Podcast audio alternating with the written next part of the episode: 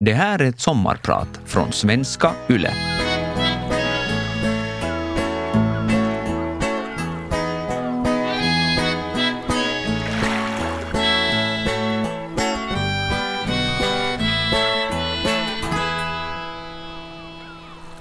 Sorle från en premiärpublik är det mest förväntansfulla och endorfinkittlande ljud jag vet. Bakom det tunga röda draperiet, med näsan tryckt mot tyget, drar jag in doften av damm, gammal sammet, generationer av skådespelare och deras nervositet och ångestsvett. Fingrarna trävar efter glipan i tyget. De vet precis var det finns ett kikhål. Titta eller inte titta. Njutningsfullt och skrämmande. Tänk om jag ser någon där i publikhavet som jag inte vill se och sen fokuserar bara på den personen. Tänk om jag inte hittar dem som absolut måste sitta där och sen inte kan tänka på något annat under hela föreställningen. Kan det betyda otur att kika? Kanske det inte alls finns någon där om jag inte kikar. Kroppen är sprickfärdig av återhållen energi. Den darrande, fladdrande, flödande kraften som snart ska få sin urladdning. Jag är lejonet som redan ser sin zebra. Jag känner snålvattnet rinna. Med utspärrade klor trampar jag omkring på stället. Andningen kommer från långt under marken, upp genom fötterna. Snart ska jag kasta mig ut. Jag ska segra. Ibland känner jag stark lycka, ibland en rivande förtvivlan. Varför gör jag det här? Varför utsätter jag mig för det här? Plötsligt kommer svagheten i knäna. Precis bakom knäskålen en avdomnad känsla. Svagheten rinner ner längs vaderna. Vristerna känns opålitliga. Kan jag stå? Borde jag sätta mig ner? Jag frågar närmaste människa, oberoende av vem det är, alltid samma sak. Är det någonting jag har glömt? Nej, allt är med. Kläder, rekvisita, ibland glasögon, ibland en handväska. Vi ler mot varandra. Måste kissa. Sista gången. Jag kommer snart tillbaka. Börja inte utan mig. Sen är jag redo. Sen är jag stark igen. Två minuter senare står jag där på min plats igen.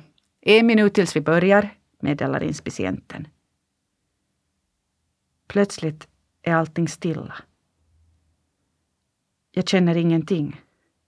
Jag är tom. Jag är tyst. Inget pirr. Inga vibrationer, ingen sprängande kraft. Jag hör knappt Sörle från salongen. Jag gäspar. Samma sak varje gång. Och samma insikt varje gång. Jag kommer inte ihåg någonting. Inte ett ord, inte rörelse, inte ett steg. Jag är tillfälligt lobotomerad. Jag bara står här och ridån går upp.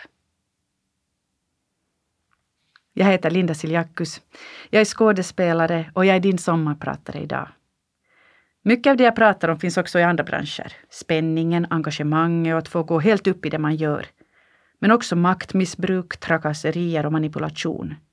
Och behovet av att sätta gränser.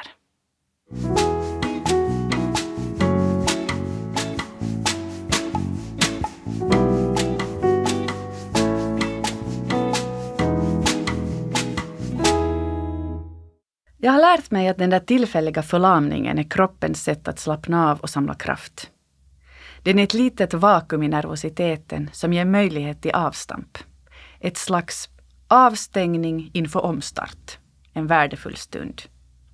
Nu kan jag njuta av den där avslappningen. Jag kan stå där och le för mig själv över hur absolut tom en människa kan känna sig minuten före en föreställning. Jag har tillförsikt. Ur tomheten kan det nya födas. Tidigare gjorde upplevelsen mig rädd. Jag var rädd för att fastna i det där lugnet. Att kroppen skulle förbli varm och tung, hjärnan seg och stum. Jag var rädd för att på riktigt inte komma ihåg något av det vi hade repeterat. Nu vet jag att det kommer. Allting finns här inne i mig. Jag har jobbat hårt och länge. Jag kan min sak. Jag är omgiven av proffsiga kollegor. Vi räddar varandra. Det får kännas så här. Jag vågar njuta av lugnet före stormen och jag vågar kasta mig ut framför publiken. Nu får jag flyga. Men en gång föll jag. En gång gick vakuumkänslan inte över. Under hela den premiären såg jag mig själv uppifrån. Totalt känslokallt och frånvarande följde jag med en liten människa som febrilt försökte klara sig igenom sin premiär där nere på scenen. Hon kämpade för att överleva. Hon var jag, men jag var inte där i henne. Jag tänkte att kanske det är så här det är att vara död. Den enda tanken hon där nere på scenen hade var det här är en katastrof. 20 minuter in i föreställningen insåg jag att jag hade glömt klänningen. Hur kan man glömma sin kostym när man går ut på scenen? Jag stod där i min konstiga baddräktsliknande underklädsel. Som svävande under taket tittade jag förvirrat ner och såg hur den rädda skådespelaren som var jag snurrade runt, runt för att få klänningen att bölja omkring sig. Först i det ögonblicket upptäckte jag att den fattades. Så borta var jag. Det sägs att en rädd skådespelare bara kan visa rädsla. Och på den premiären var jag rädd. Pjäsen regisserades av en berömd utländsk regissör. Trots att vi nu efter metoo är mycket medvetna om hur viktigt det är att bryta tystnadskulturen får jag inte nämna hans namn i det här programmet eftersom han inte är här och kan försvara sig. Sådana är reglerna. Allt jag berättar är naturligtvis mina egna minnen och subjektiva upplevelser. När regissören såg mig på auditionen ändrade han på sitt koncept. Han ville absolut ha med mig i sin uppsättning, men han hade redan en utvald skådespelare för rollen som skulle passa mig. Han hittade på att han skulle ha dubbel besättning, Två skådespelare för varje roll. Det hade inte teatern råd med. Men han fick igenom att vi två skulle alternera. Överenskommelsen var att vi skulle spela varannan föreställning. Jag utgick naturligtvis ifrån att vi också skulle få repetera lika mycket. Sen följde några månader av stor lärdom. Jag lärde mig mycket om skådespelararbete, till exempel om den femte växeln. Den femte växeln är den som man sätter i när man redan har levererat i det som vanligen är max. Och så drämmer man i med ännu en nivå av vad det är man håller på med. Man tar i så väggen rämnar bakom publiken i salongen. Inte nödvändigtvis med skrik och svett utan med kraft. Det är härligt när det lyckas. Men mest lärde jag mig ändå om maktmissbruk, om manipulation, om psykiska trakasserier och om kollektiv bestraffning. Den första repetitionen var magisk. Han placerade oss skådespelare runt ett matbord på scenen. Vi utgick inte ifrån någon speciell scen eller händelse i pjäsen. Han tog bara in oss, våra kroppar och våra väsen och började bygga upp något som helt och hållet var inspirerat av oss. Ibland såg han på oss från ett avstånd. Ibland gick han omkring oss runt bordet, rättade till en hårslinga, rörde vid ett axelband. Han bjöd in ljud och ljuskonstnären i leken och en ny värld växte fram. Jag minns så tydligt hur regissören plötsligt snappade upp en rörelse som mitt lillfinger gjorde mot den vita bordduken. Som en hök dök han in i rörelsen och en hel scen växte fram ur den. Matbordet blev mitt piano, musiken blev min längtan. Jag var euforisk över att vara en så stark del av skapandeprocessen. Det fanns en aura av konstnärligt skapande i rummet. Alla vi som var där bidrog på ett högst personligt sätt. Jag tror att vi alla kände oss väldigt privilegierade just då, på den där första repetitionen. Arbetet blev snabbt mer krävande och hans regi ibland svår att förstå. Men det var givande och underbart överraskande då vi skådespelare mitt i allt hittade fram till något som han, skrikande och gestikulerande, hade försökt styra oss mot i timmar. Plötsligt såg vi vad han såg. Han hade fångat sin zebra och vi kalasade tillsammans. Men så kom förändringen.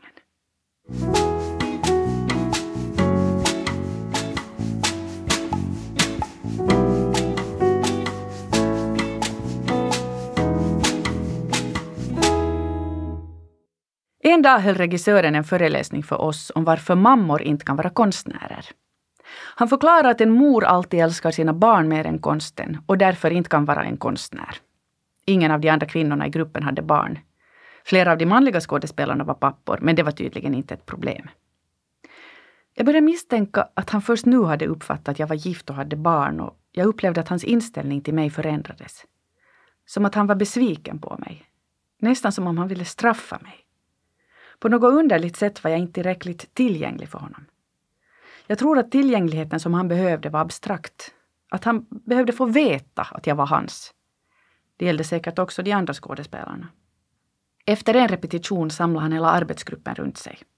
Han talade ofta till oss i föreläsande ton Och nu förklarar han för alla att jag, Linda, är så elak att jag aldrig kommer att kunna spela något annat än elak.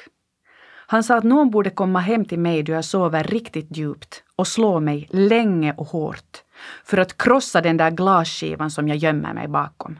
Att det skulle vara att göra mig en tjänst. Jag var inte den enda som utsattes. Vid det här laget tror jag att många av oss var ganska trasiga. Jag var dödstrött både av att arbeta till sent på nätterna, jag hade ju dessutom småbarn hemma, och av att ständigt vara på min vakt inför nästa attack. Vem skulle den rikta sig mot? Skulle någon få sparken på riktigt? Han hade hotat med det flera gånger.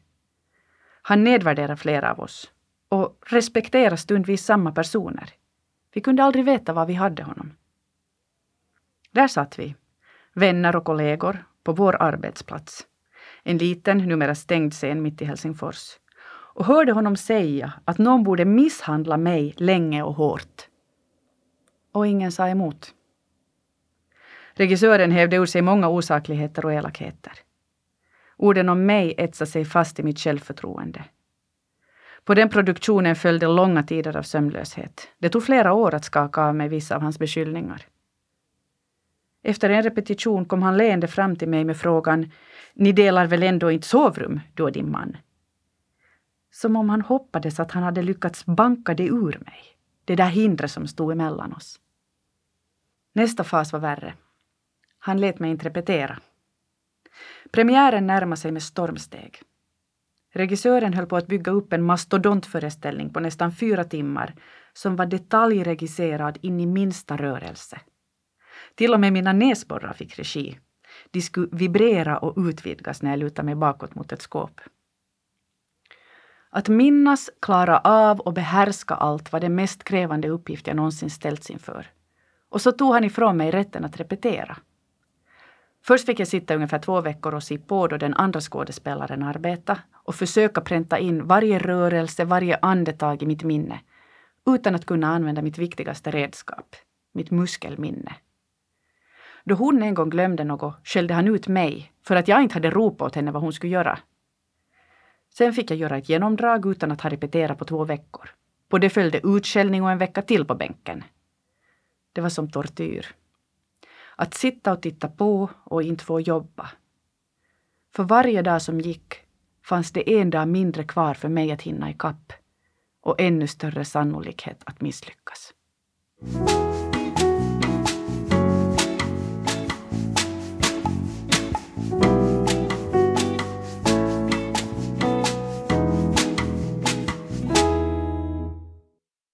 Efter premiären, när regissören hade lämnat landet, återerövrade jag min rollfigur.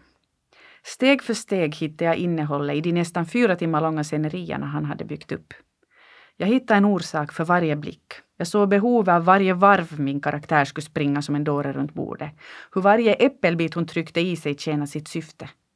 Lösningarna var ofta geniala, bilderna starka och utrymme för skådespelararbete fanns där när jag väl fick chansen att ta det till mig.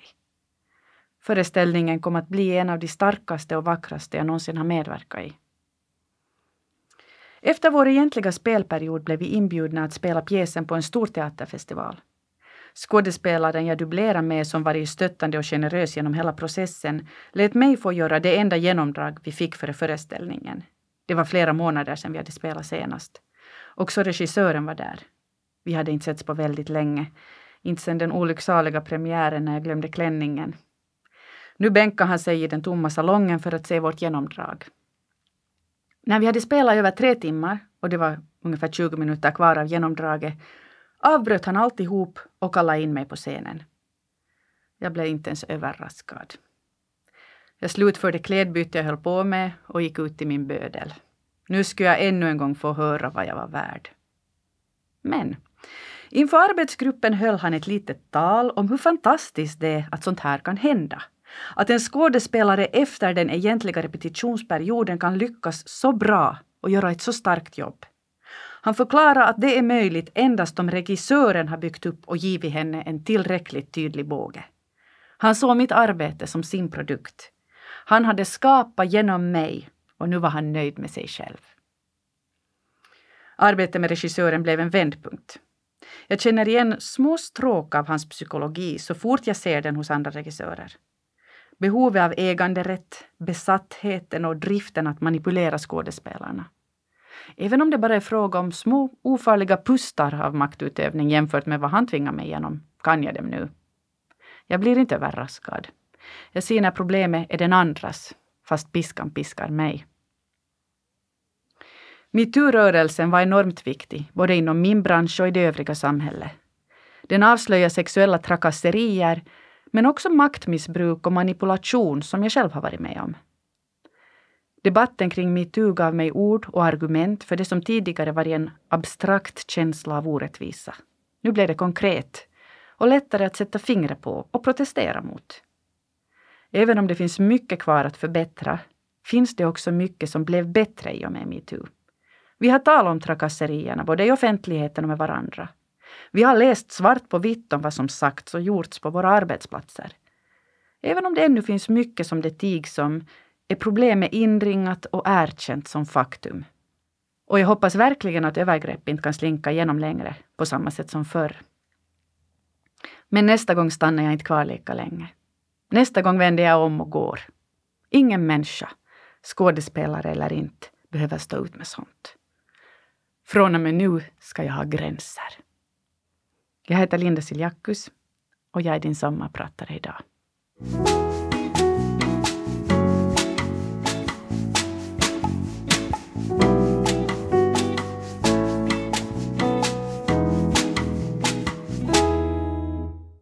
Tur att man inte är ihop med den där.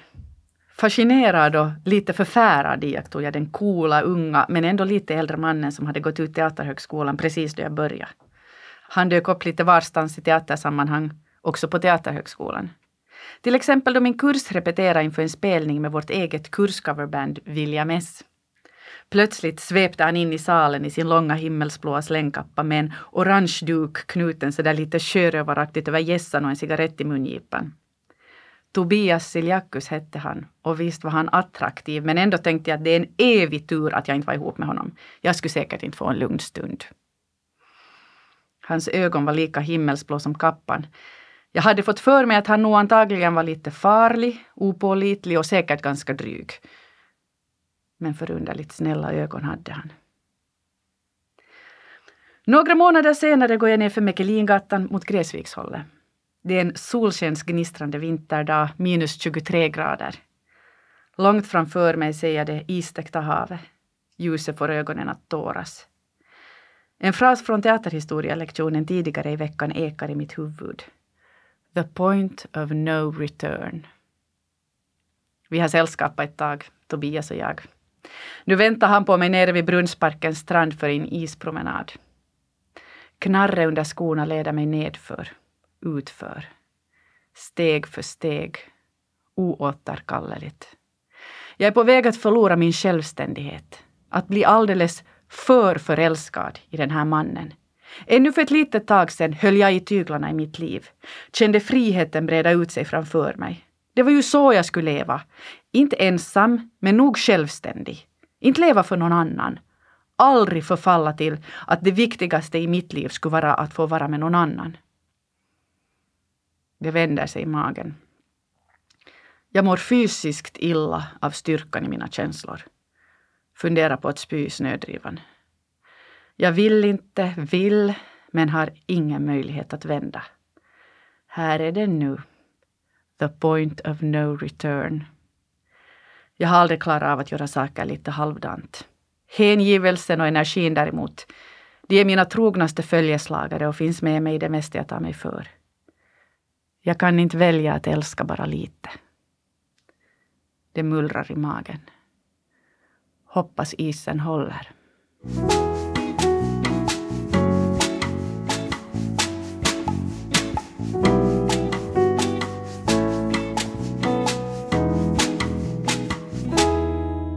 När vårt första barn var ett par månader gammalt och hela mitt liv igen hade vänts på ända meddelade min agent att filmregissören Mikael Hofström ville provfilma mig i Stockholm för rollen som Marja i Ondskan.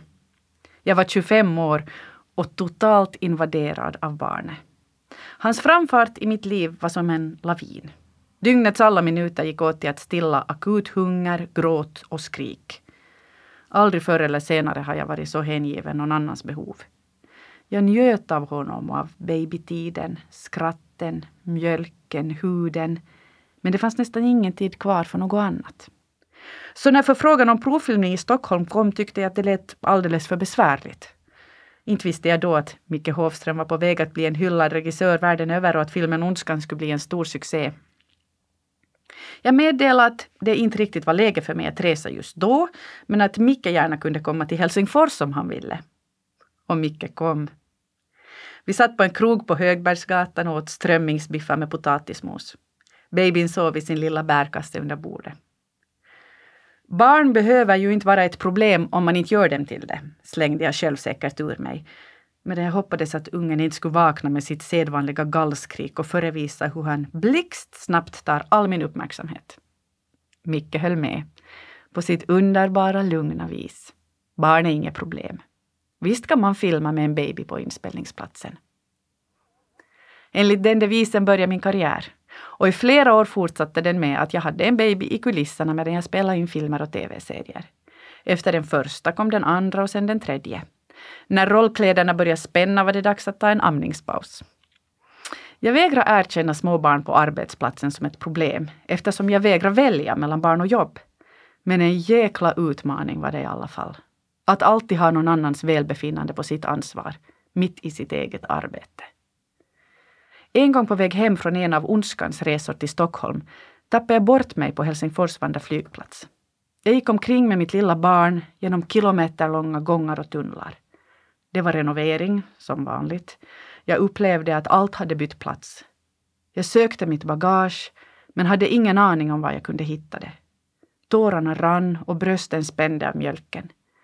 Även om barnet log mot mig med sina enorma himmelsblåa ögon fick jag för mig att han led av hunger och törst och trötthet. Jag hade filmat till klockan tre flera nätter i rad och väckts varje morgon vid fem av min lilla älskling. Och aldrig kunde jag tulla på hans rätt att få alla sina rutiner och behov tillfredsställda till punkt och pricka. Till slut hittade en kvinna i uniform mig. Hon var kanske flygvärdinna eller någon slags chef. Hon var lugn och myndig och medelålders och så genast hur det var fatt. Så här ska du inte behöva vandra omkring. Med armen om min axel förde hon mig till ett rum fullt med personal och sa till första bästa anställda. Hitta den här unga mammans bagage och för henne till en taxi. Nu för tiden tänker jag allt som oftast Det jag får vänta i timmar eller dagar på en inspelningsplats. Då flygen är försenade eller regnet öser ner på utomhusinspelningar som håller på hela natten. Vilken tur att det bara är mig själv jag måste ta hand om. Och alla ni som är ensamstående, ni borde få medalj.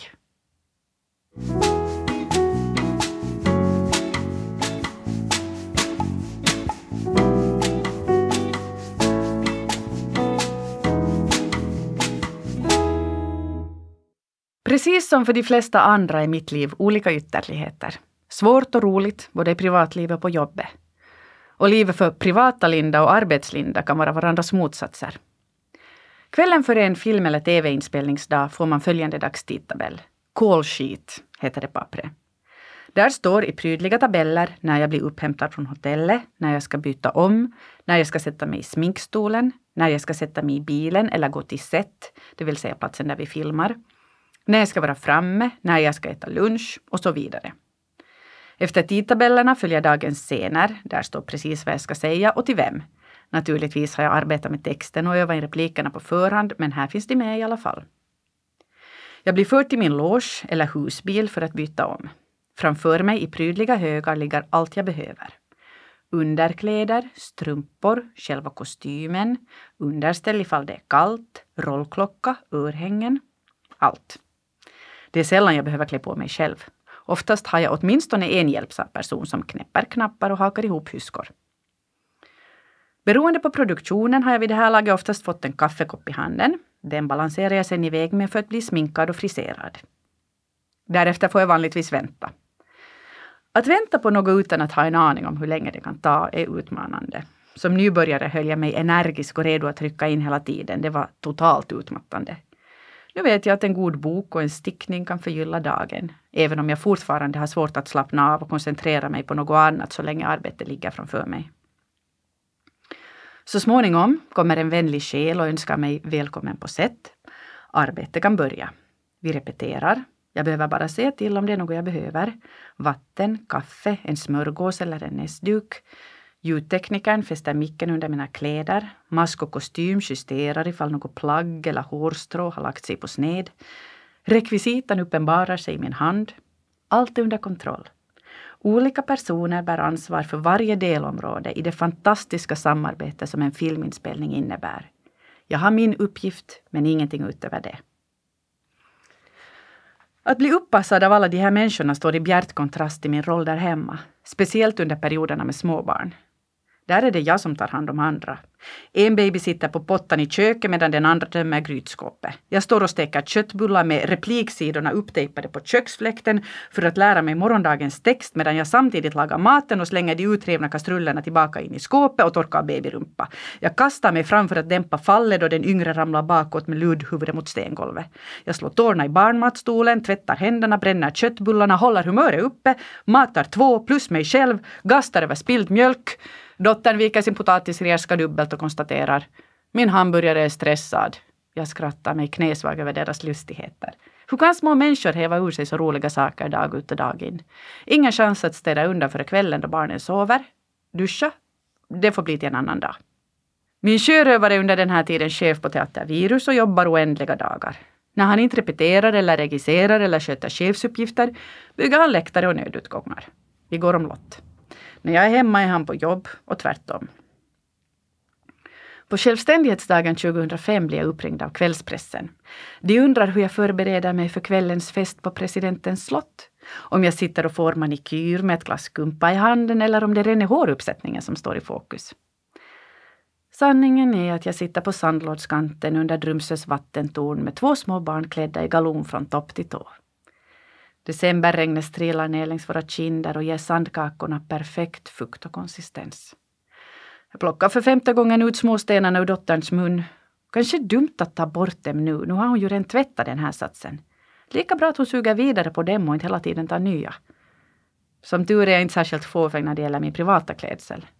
Jag hade varmt och gott, iklädd likadana regnkläder som barnen med klumpiga knallröda vinterstövlar på fötterna. Glamouren lyser med sin frånvaro. Om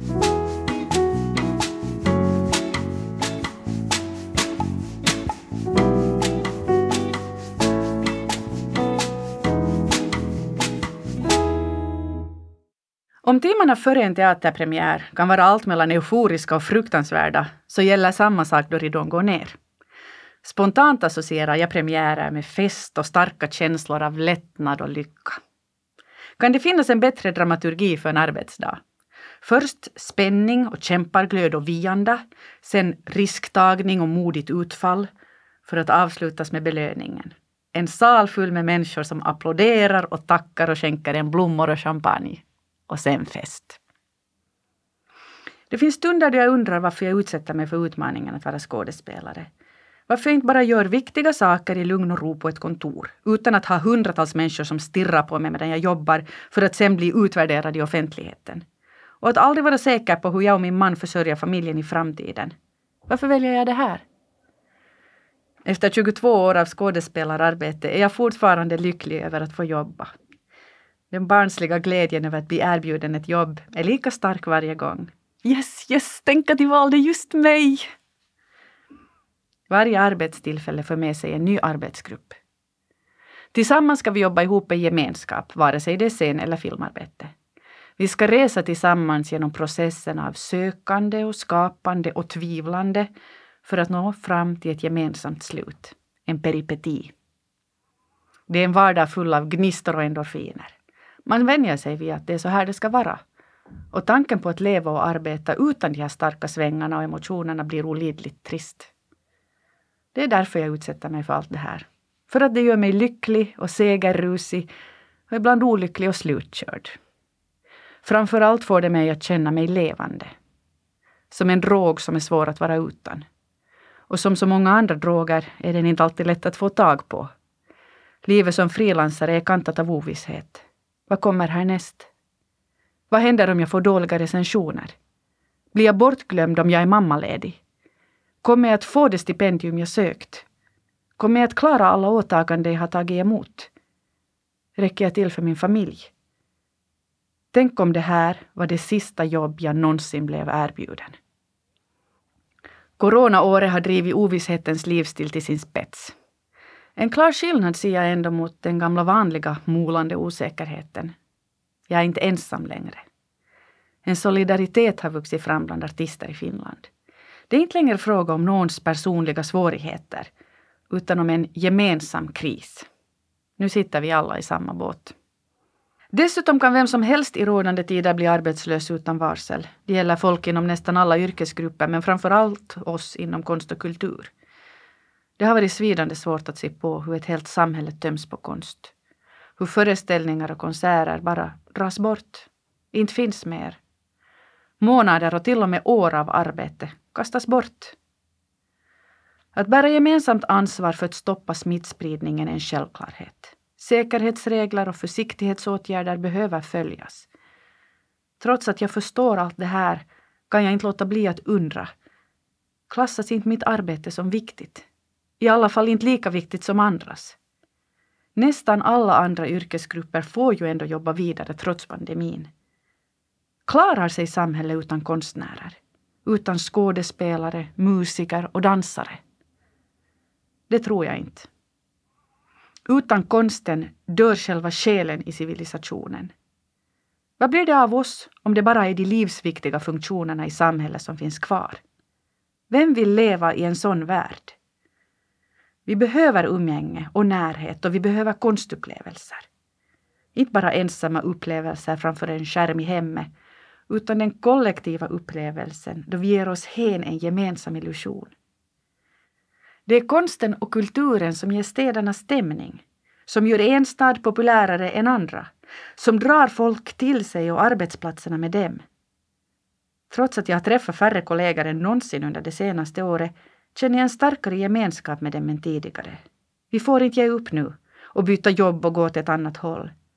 Det är inte en slump att teatern har överlevt i tusentals år. Den behövs. Något gott kommer ur det mesta.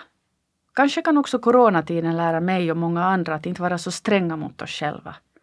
Inte kräva så mycket alla gånger. Ibland stannar livet upp en stund. Sen går det nog vidare. Var snäll mot dig själv. Ingen annan kan veta vad du behöver. Respektera dig själv och var aktsam om dina gränser. Då är chansen större att andra också är det. Och vad är bättre än det?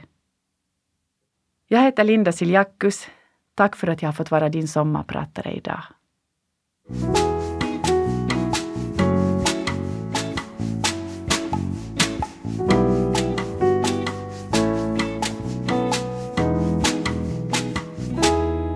Vegas sommarpratare produceras för Svenska Yle av Parad Media.